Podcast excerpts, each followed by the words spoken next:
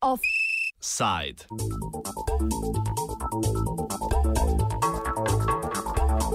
Libija ali kako ne končati državljanske vojne.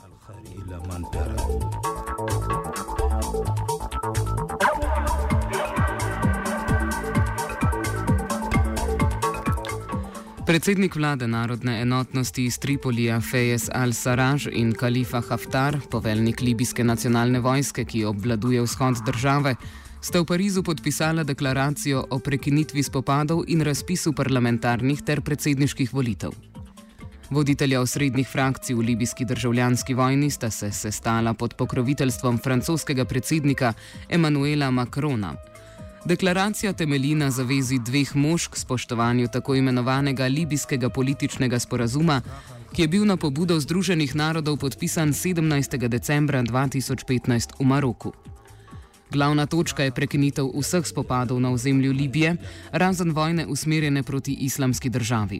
Poleg tega naj bi vzpostavili vladavino prava in spoštovanje človekovih pravic ter kontinuiran politični dialog. K slednjemu bi po deklaraciji drastično prispeval posebni odposlanec Združenih narodov v Libiji Gassan Salame, ki je bil na to funkcijo imenovan pred mesecem dni. Kot morda najpomembnejšo točko pa bi lahko razumeli zavezo k izvedbi predsedniških in parlamentarnih volitev, kolikor hitro bo to mogoče, predvidoma pa spomladi naslednje leto.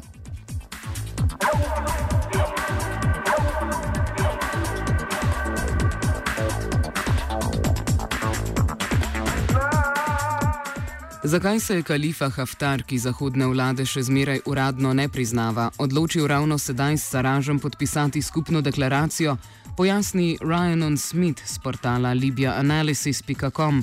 Z vodstvom vlade nacionalne enotnosti se je Haftar pred kratkim namreč že sestal v Kajru in Abu Dhabiju, a takrat sestanki niso prinesli oprijemljivejših premikov. So the two men met in Abu Dhabi in early May, um, but that, that, there wasn't really much that came out of that agreement. Um, so the fact they've met now in, in Paris yesterday is symbolically important. However, it remains to be seen if anything real will come from this agreement. We have to remember that Haftar has been the one that for the last two years has refused to engage in negotiations. So this raises the question of why is he now engaging? Mm-hmm. And it seems likely that it's because he is now in a much stronger position, both militarily and politically. He has recently defeated um, his rivals in Benghazi. He has the support of his allies Egypt and the UAE, who in regional dynamics are currently have the upper hand politically. So it's likely that from Haftar's perspective, this meeting will strengthen his legitimacy. It puts him on a, a level footing with Siraj. It makes him seem that he has the same power, that he is a diplomat, when in reality he's a military commander. He has no political function. Pri tem se postavlja vprašanje, zakaj naj bi nova deklaracija, ki ni nikakor zavezujoča, prinesla spremembe. Libijski politični sporazum iz leta 2015 oziroma sporazum iz Širata namreč ni prinesel izboljšanja razmer v državi razdeljeni z vojno. Več Smith. The, the Skhirat agreement, which is known as the Libyan political agreement signed in December 2015, uh, this was the culmination of nearly two years of um, negotiations by the led by the UN between different Libyan, mainly political factions, to try and form a unity government and to unite all these different fractured uh, power centres in Libya.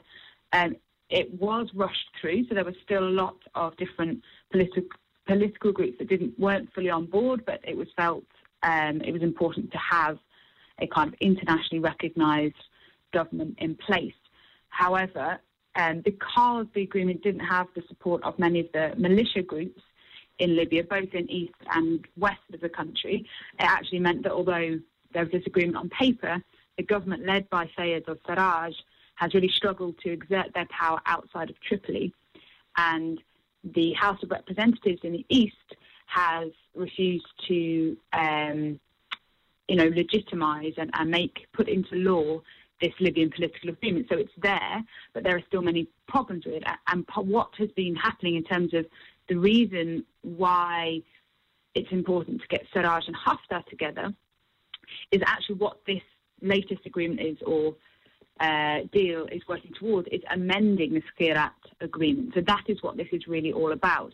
But it is important to note that this is, although they have issued, you know, an agreement, there's, there's 10 points that they've made there, this is only an agreement between two men, essentially. They don't, they haven't been back to agree this with all the different factions that support or oppose them, and we are likely to see um, some backlash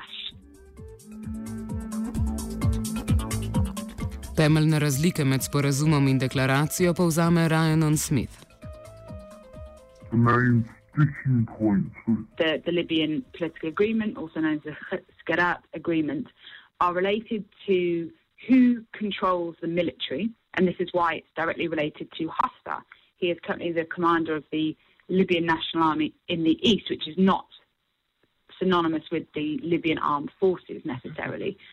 Um, and under the current agreement, um, the Presidency Council, which is headed by Sarraj, holds that power, and therefore Haftar has refused to kind of agree to it because that would probably mean that he would not. Um, he would lose his current position because he has so many enemies that would not want him in that position. So, one of the key amendments is changing who controls the military, um, likely in Haftar's favour. The other is the formation of the Presidency Council itself. Currently, it's nine members.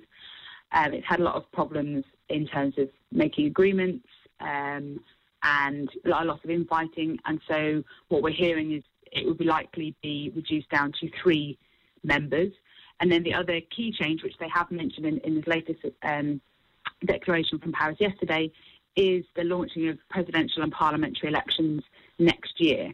And that wasn't originally um, outlined in the the Libyan agreement as signed in 2015. And the presidential election is the key thing because previously, since um, the revolution in 2011, there haven't been any presidential elections. The president has been elected or appointed by, um, you know, the elected MPs.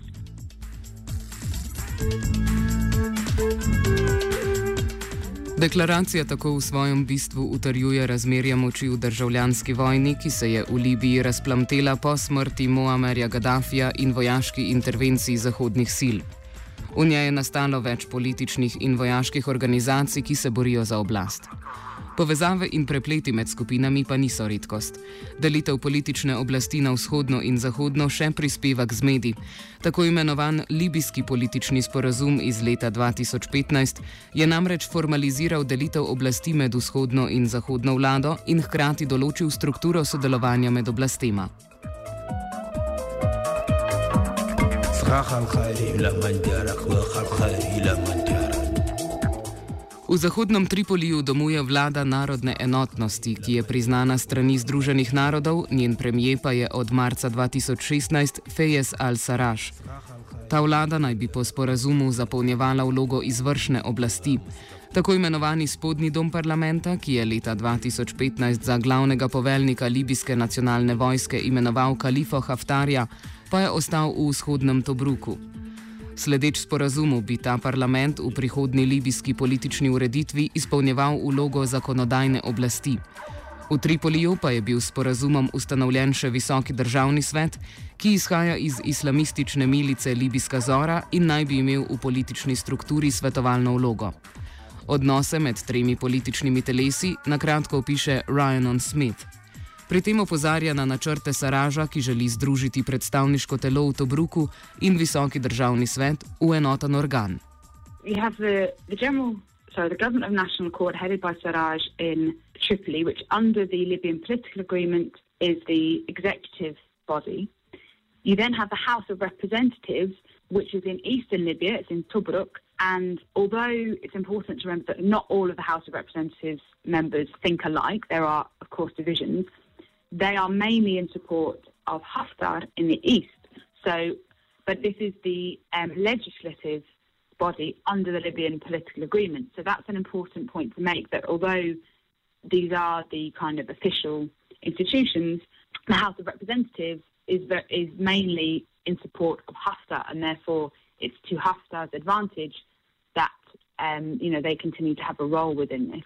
The High Council of State um, is what used to be, or is made up of members of what used to be the General National Congress, who are the more um, Islamist and Western-based and Misratan um, individuals. So it will be interesting to see if. So basically, in in a roadmap put forward by Sarraj two weeks ago, no mention was made of this High Council of State. So I think that will be the sticking point more so than the House of Representatives. I think Haftar and people in the East will feel that their interests will, for the most part, be represented by the HOR.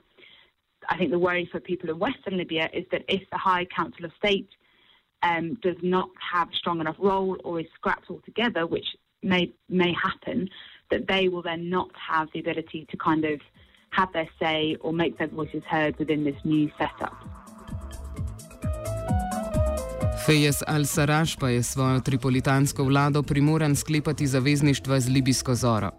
Tako se v Libiji spopadi poleg bojev z islamsko državo odvijajo na relaciji nekaterih frakcij libijske zore in vojske kalife Haftarja.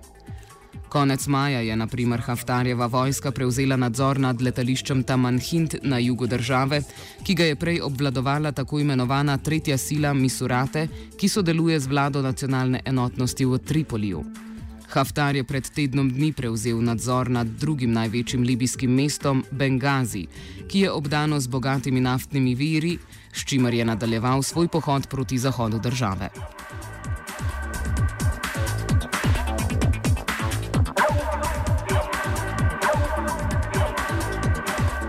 Kljub temu, da sile iz tretjega največjega libijskega mesta Misurate v vojni prispevajo levji delež, pa so iz političnih dogovorov pogosto izuzete. Tako je tudi v pariški deklaraciji, opozarja Ryan Smith, kar bi lahko predstavljalo težave pri implementaciji dogovorov. So there are many um, factions and groups who have not signed this um, you know, particular declaration. And although some may support elections, some don't. And uh, there is a danger And actually, it's quite likely that, particularly in Western Libya, so a, a significant and a powerful group who have been left out and feel marginalised by this meeting between Sarraj and Haftar is Misrata, um, which is Libya's third largest city, about three hours um, to the east of Tripoli. And most, well, some of the Misratan factions have been a strong supporter of um, Sarraj. They are the main forces who drove Islamic State out of Sirte um, in December last year.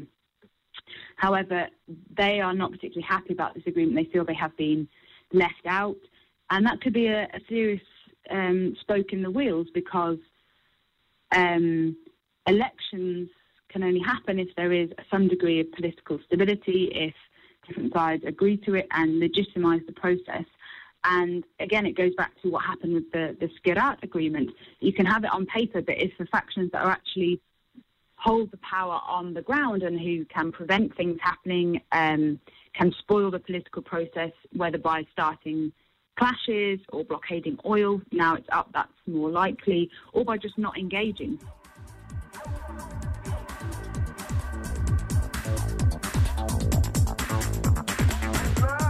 Kot trdi Smith, pa nafta ni neposreden razlog za francosko umešavanje v libijsko vojno, temveč so to zaveznice. Kalifo Haftarja namreč podpirajo Egipt, Združeni arabski emirati in Saudova Arabija. I don't think this has anything directly to do with oil, and the reason for that is although um, forces do control some of the oil ports, um, actually, since Haftar took um, some of these over um, last year, the oil still all flows through the National Oil Corporation, um, which is based in Tripoli, and the revenues from that go back into the central bank, which is based in Tripoli. So, although uh, whoever controls the oil ports and facilities does have some power, that uh, they only really have any power over it by blockading the flow. And actually, Libyan oil flow is up to over a million barrels a day now. It's, it's really increased a lot in the last few months. So they already, you know, companies that are operating in Libya that are lifting oil from Libya already have access to the oil that, that, that is flowing. So I don't think it's a question of oil.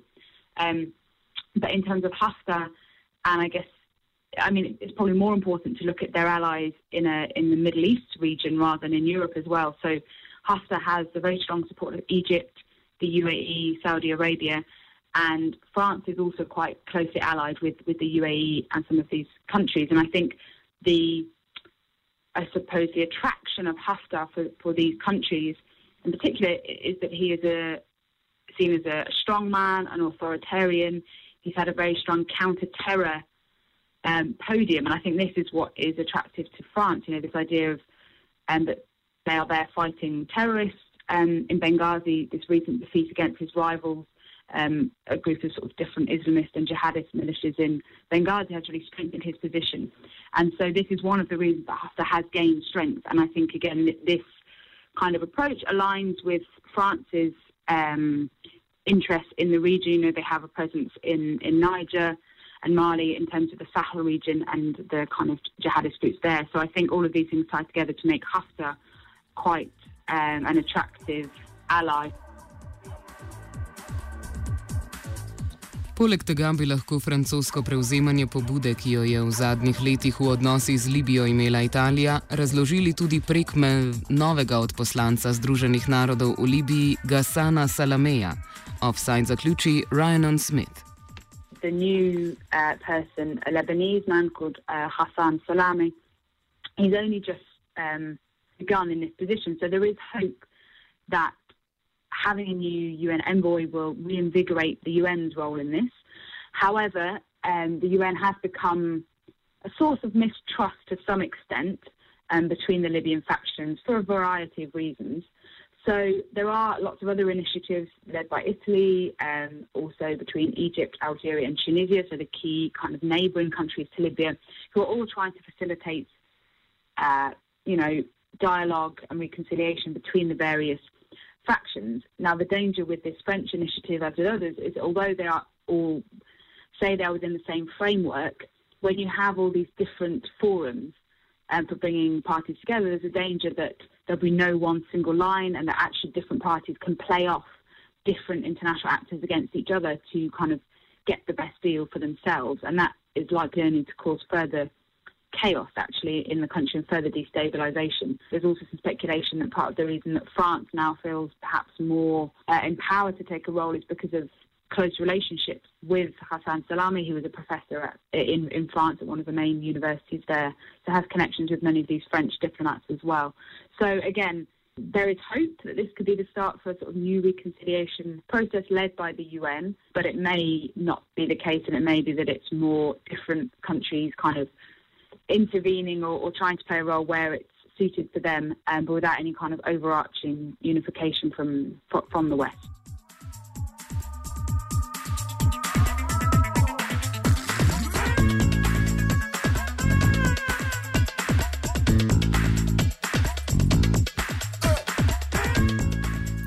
Offside je pripravil Martin.